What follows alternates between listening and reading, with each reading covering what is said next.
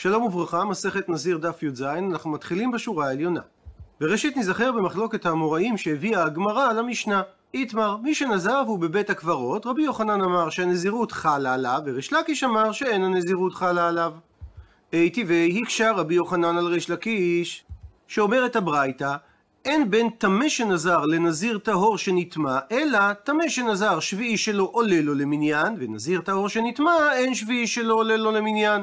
הוא מסביר התוספות, אין הבדל בין נזיר טמא שנדר כאשר הוא היה טמא, לבין נזיר טהור שנטמע, אלא שנזיר טמא, היום השביעי עולה לו מן המניין. זאת אומרת, אחרי שהוא בא להיטהר, הוא מזה ביום השלישי את מי אפר הפרה, וחוזר ומזה גם ביום השביעי, ואז הוא טובל. היום השביעי עולה לו למניין נזירות הטהרה, לפי שהוא לא צריך להביא קורבן בשמיני על טומאתו, לכן מיד כשהיזה ושנה וטבל, ראוי לחול עליו הנזירות באופן מיידי. ואומנם אומר תוספות, הוא עדיין צריך לחכות להערב שמש, אז איך תחול עליו הנזירות? מסביר התוספות, צריך לומר שטבול יום זה טומאה חלשה, ולכן היא לא מעכבת את הנזירות מלחול עליו. מה שאין כן אומר תוספות, נזיר טהור שנטמע בטומאת מת, אין היום השביעי עולה לו מן המניין למניין הנזירות של הטהרה שלו, כי הרי הוא צריך להביא קורבן חטאת העוף ועולת העוף ואשם ביום השמיני לטהרתו, וכתיב וקידש ראשו ביום ההוא. ויש מיעוט בלשון הפסוק שרק באותו יום הוא יכול להתחיל ולמנות את נזירות הטהרה שלו. דהיינו, טמא שנזר כבר ביום השביעי לטהרתו מתחיל למנות את ימי הטהרה שלו, לעומת נזיר טהור שנטמע, שרק ביום השמיני לאחר הבאת קורבנותיו, הוא יכול להתחיל ולמנות את ימי נזירות הטהרה שלו. עד לכאן לשון הברייתא, ומקשה רבי יוחנן, ואי סל כדעתך, ואם יעלה על דעתך לומר שהנזירות לא חי לה על הטמא שנזר, אז אם כך, עמי, מדוע אמרה הברייתא שהיום השביעי עולה לו מן המניין? שהרי לפי ריש לקיש, הנזירות שהטמא קיבל עליו לא חלה עליו, ואם כך, כיוון שהוא לא חזר וקיבל עליו את הנזירות, מדוע אמרה הברייתא שהיום השביעי עולה לו מן המניין של ימי הנזירות? ומכוח השאלה הזאת אמר מר בר אבשי שצריך להסביר את מחלוקתם של רבי יוחנן וריש לקיש באופן הבא: מיכל כולי עלמא לא פליגי דחיילה.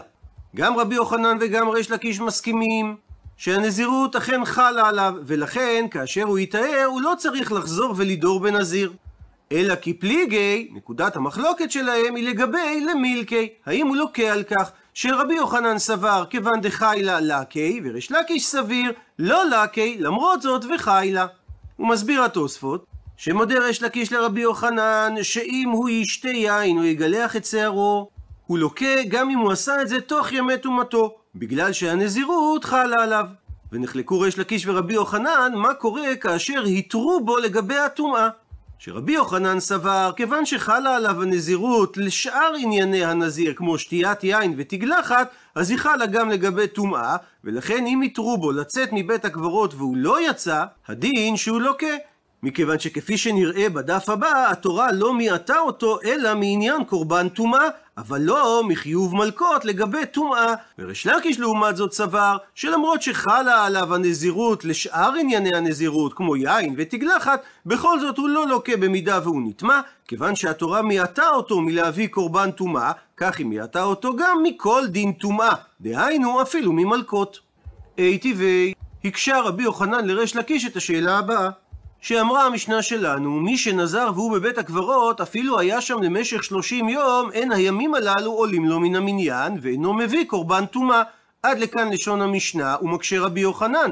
משמע מלשון המשנה, שדווקא קורבן טומאה הוא דלא מייטי, שהוא לא מביא. המילקי, אבל מלקות על הטומאה הזאת במידה ויתרו בו, לקי עלי. ואם כך, קשה על ריש לקיש. מתרצת הגמרא שכך יסביר ריש לקיש את המשנה.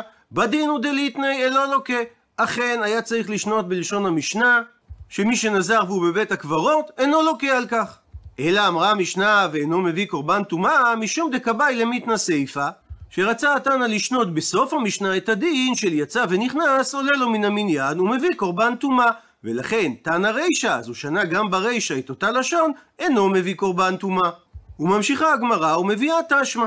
בו שמע הוכחה מהברייתא לשיטת רבי יוחנן, שאמרה הברייתא, אין בין טמא שנזר לנזיר טהור שנטמע, אלא שטמא שנזר היום השביעי שלו עולה לו מן המניין. לעומת זאת, ונזיר טהור שנטמע, אין היום השביעי שלו עולה לו מן המניין. שהרי הוא לא מתחיל למנות את ימי נזירות הטהרה שלו, אלא מהיום השמיני אחרי שהוא יביא את קורבנות הטומאה שלו. עד לכאן לשון הברייתא, ומדייקת הגמרא, הלמלכות זה וזה שווים, ששניהם לוקים על הטומאה ועל דקדוקי הנזירות, אפילו בשעה שהם טמאים. ואם כך, קשה על ריש לקיש. מתרץ את הדברים, אמר לו ריש לקיש לרבי יוחנן, לא כך תדייק מהברייתא, אלא שלתגלחת זה וזה שווים. ששניהם מגלחים את שערם ביום השביעי שלהם.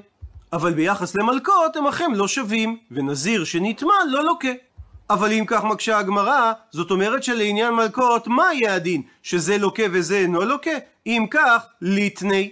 הייתה הברייתא צריכה לשנות את ההבדל הזה ולומר, אין בין טמא שנזר לנזיר טהור שנטמע, אלא שטמא שנזר השביעי שלו עולה לו מן המניין, ולהוסיף ולומר גם את ההבדל הזה שהוא אינו לוקה, לעומת טהור שנזר שאין היום השביעי שלו עולה לו מן המניין, ובנוסף לכך הוא גם לוקה.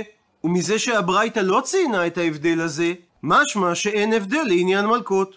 מסביר יש לקיש שיש הבדל לעניין מלכות, והסיבה שהברייתא לא ציינה את ההבדל הזה, מפני שבתקנתי קמיירי בקלקולי לא קמיירי. הברייתא מדברת כיצד היא דרך תיקון הנזירות. מתי יתחיל מניין ימי הנזירות כאשר הנזיר נטמע בשוגג. אבל הברייתא לא דיברה על מציאות של קלקול, דהיינו שהנזיר קלקל את עצמו במזיד, שבמציאות כזאת גם ריש לקיש מודה שאסור לו להיטמע אפילו בתוך שבעת הימים של טהרתו. דאם לא כן, הייתה הברייתא צריכה לנקוט לשון, זה מותר להיטמעות וזה אסור להיטמעות. ומביאה הגמרא תשמע בו שמע הוכחה נוספת לשיטתו של רבי יוחנן. שאומרת הברייתא, מי שהיה טמא ונזר, אסור לגלח או ולשתות יין, ואם גילח או ושתה יין או ונטמע למתים, אומרת הברייתא, הרי זה סופג את הארבעים. והברייתא הזאת היא ודאי לא כשיטת ריש לקיש, ולכן אומרת הגמרא, תיובתא. יש קושייה חזקה על שיטת ריש לקיש והיא נדחית. וראשית נקדים את דברי הרמב"ם בהלכות בית המקדש פרק ג' מצוות עשה לשלח כל הטמאים מן המקדש שנאמר וישלחו מן המחנה כל צרוע וכל זע וכל טמא לנפש במידה ואדם נטמע טומאת מת בהיותו בבית המקדש אומר הרמב"ם אסור לו לשהות או להשתחוות או לצאת בדרך ארוכה ואם הוא שהה או שיצא בארוכה אף על פי שלא שהה או שהחזיר פניו להיכל והשתחווה אף על פי שלא שהה הוא חייב כרת ואם היה שוגג מביא קורבן. במידה והוא לא החזיר פניו, אלא השתחווה דרך יציאתו כלפי חוץ ופטור, אלא אם כן הוא שהה כשיעור, וכמה שיעור שהייתו, כדי לקרות את הפסוק מדברי הימים, ויכרעו אפיים ארצה על הרצפה, וישתחוו והודות לשם כי טוב, כי לעולם חסדו. וזהו שיעור השתחוויה, וזוהי דרך ארוכה, כל שאפשר לו לצאת מן המקדש בדרך קצרה ממנה. ואגב שהביאה הגמרא את דברי רבי יוחנן שזזיר טמא לוקה וגם שנינו בברייתא כמותו, באי רבא שאל רבא את השאלה הבאה נזיר והוא בבית הקברות מהו? האם באי שהייה למלקות או לא? האם באופן דומה לחיוב מלקות על מי שנמצא במקדש כך גם נזיר טמא לא ילקה עד שהוא ישהה כדי שיעור השתחוויה או לא? ומבררת הגמרא את השאלה של רבא, איך ידע מי באיזה מציאות מדובר? אילי, מה אם תאמר שמדובר דאמרי לי עדים לנזיר, לא תנזור כאשר אתה בבית הקברות, אז אם כך, למה לי שהייה? שהרי הוא מתחייב מלכות באופן מיידי, שהרי נזיר טהור, מה איתה מה שהוא לא באי שהייה דקמת רבי? שהרי נזיר טהור שנכנס לבית הקברות, הוא מתחייב מלכות באופן מיידי, והוא לא צריך לחכות זמן של שהייה כדי השתחוויה, במידה ויתרו בו אל תיכנס לבית הקברות. אז הכנה מקמת רבי.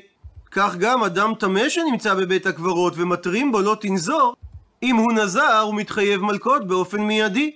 ומה שייך להתלבט האם הוא צריך לחכות שהייה של כדי השתחוויה.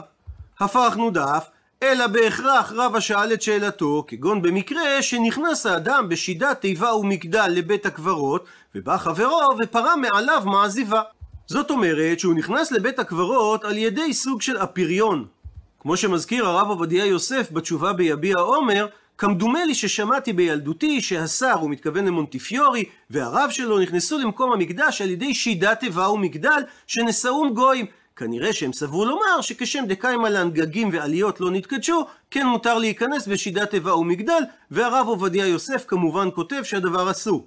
ועל ידי אותו הפריון יש הפסק בין האדם לבין הטומאה של בית הקברות, והוא נדר בעודו בשידה שהוא עדיין טהור, ואחר כך בא חברו, ופרה את המעזבה תחתיו. מעזבה הכוונה לתערובת של אפר, קנים וטיט שתכין בה את קורות התקרה או את הנסרים שבה בבתים שגגותיהם שטוחים. הגמרא מדברת שגילו מתחתיו את המעזיבה שנמצאת בתחתית השידה, ועל ידי כך הוא נטמע מבית הקברות. שהרי הייתה השידה מעל ראשו, כך שבעצם הוא נמצא באוהל המת. ואחרי שדייקה הגמרא את המציאות עליה שאל רבא, מסבירה הגמרא את צדדי הספק, כי גמירין שהייה בבית המקדש אבל הברה היא לא, האם המסורת שיש הלכה למשה מסיני, שאדם שנטמע בבית המקדש, שהוא חייב מלקות רק במידה והוא שעה כדי שיעור השתחוויה, זה דווקא לגבי טומאה בבית המקדש, אבל מחוץ לבית המקדש, כגון נזיר בבית הקברות, לא שייך עניין של שהייה, ולכן כיוון שפרה חברו מתחתיו את המעזיבה, אף על גב שהוא לא שעה שיעור כדי השתחוויה, הוא יהיה חייב מלכות, או דילמה, או אולי לא שנה, אין הבדל בין איסורי הטומאה השונים, ולכן גם נזיר לא לוקה, אלא אם כן הוא ישב בבית הקברות כדי שיעור השתחוויה. ונשארת הגמרא בתיקו, תעמוד השאלה ללא פתרון עד שיבוא תשבי ויתרץ אותה. ומביאה הגמרא שאלה נוספת, בה ישאל רב אשי, אדם שנזר והוא בבית הקברות, האם הוא טעון גילוח ביום השביעי שלו או לא?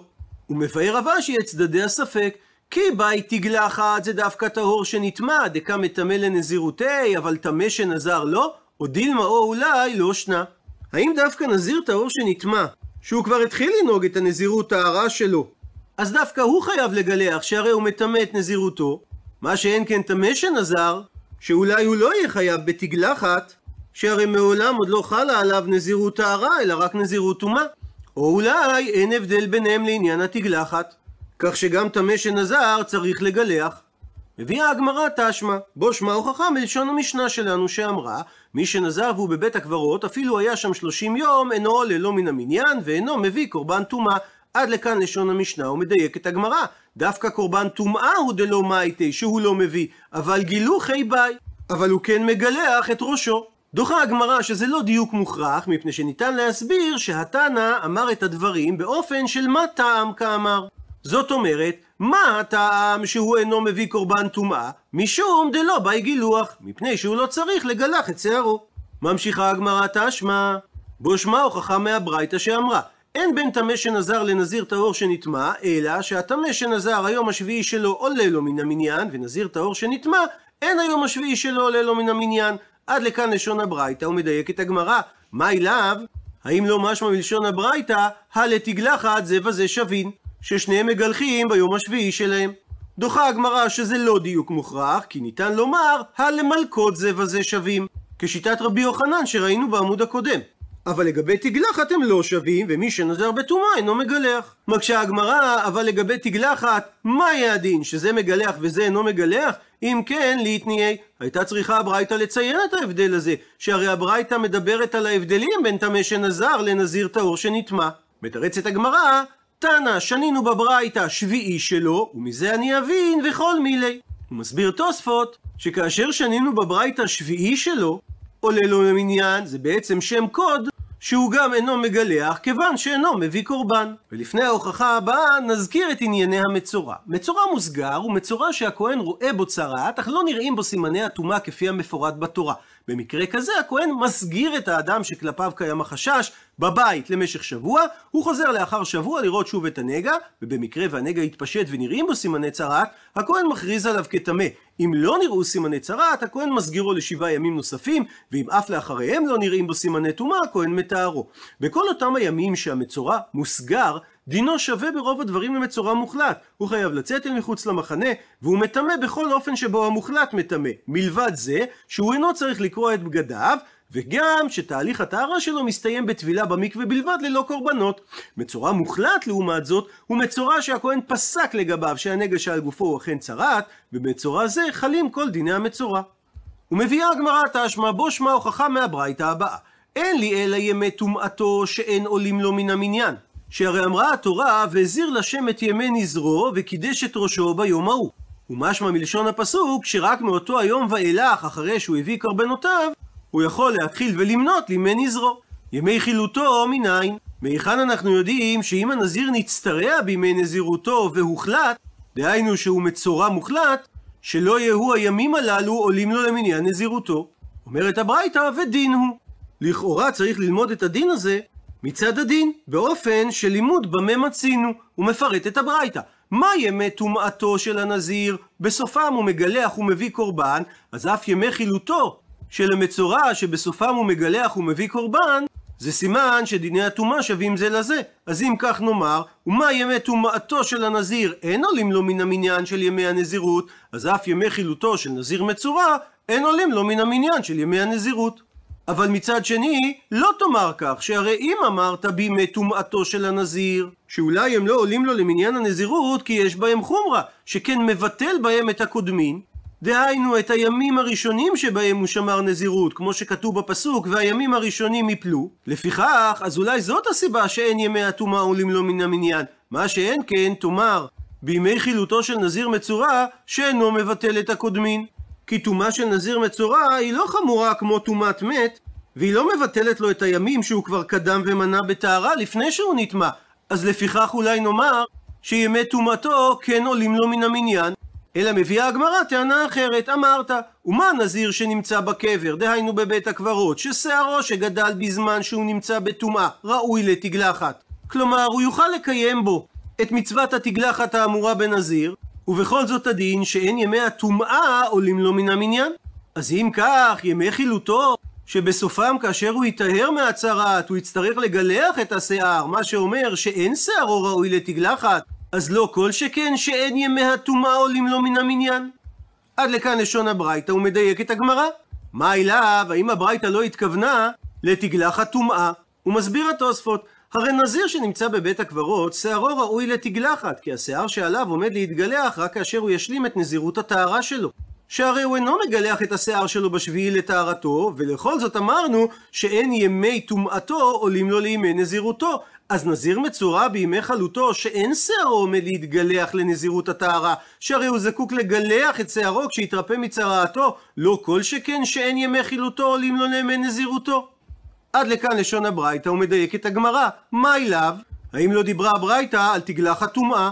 שמי שנזר בעודו בבית הקברות, כיוון שהוא היזה ושנה וטבל, דהיינו אחרי שהוא נטהר מהטומאה שלו, אמרה הברייתא שמגלחים אותו. אז אם כך, מכאן הוכחה שהוא טעון גילוח. דוחה הגמרא, לא בהכרח צריך להסביר כך את הברייתא, כי ניתן לומר שהברייתא התכוונה לתגלחת טהרה. זאת אומרת שאם הוא לא נכנס לבית הקברות, או גם שהוא נכנס לבית הקברות ונטהר, ואחר כך הוא השלים את ימי נזרו, שהוא טעון גילוח לסוף 30 יום.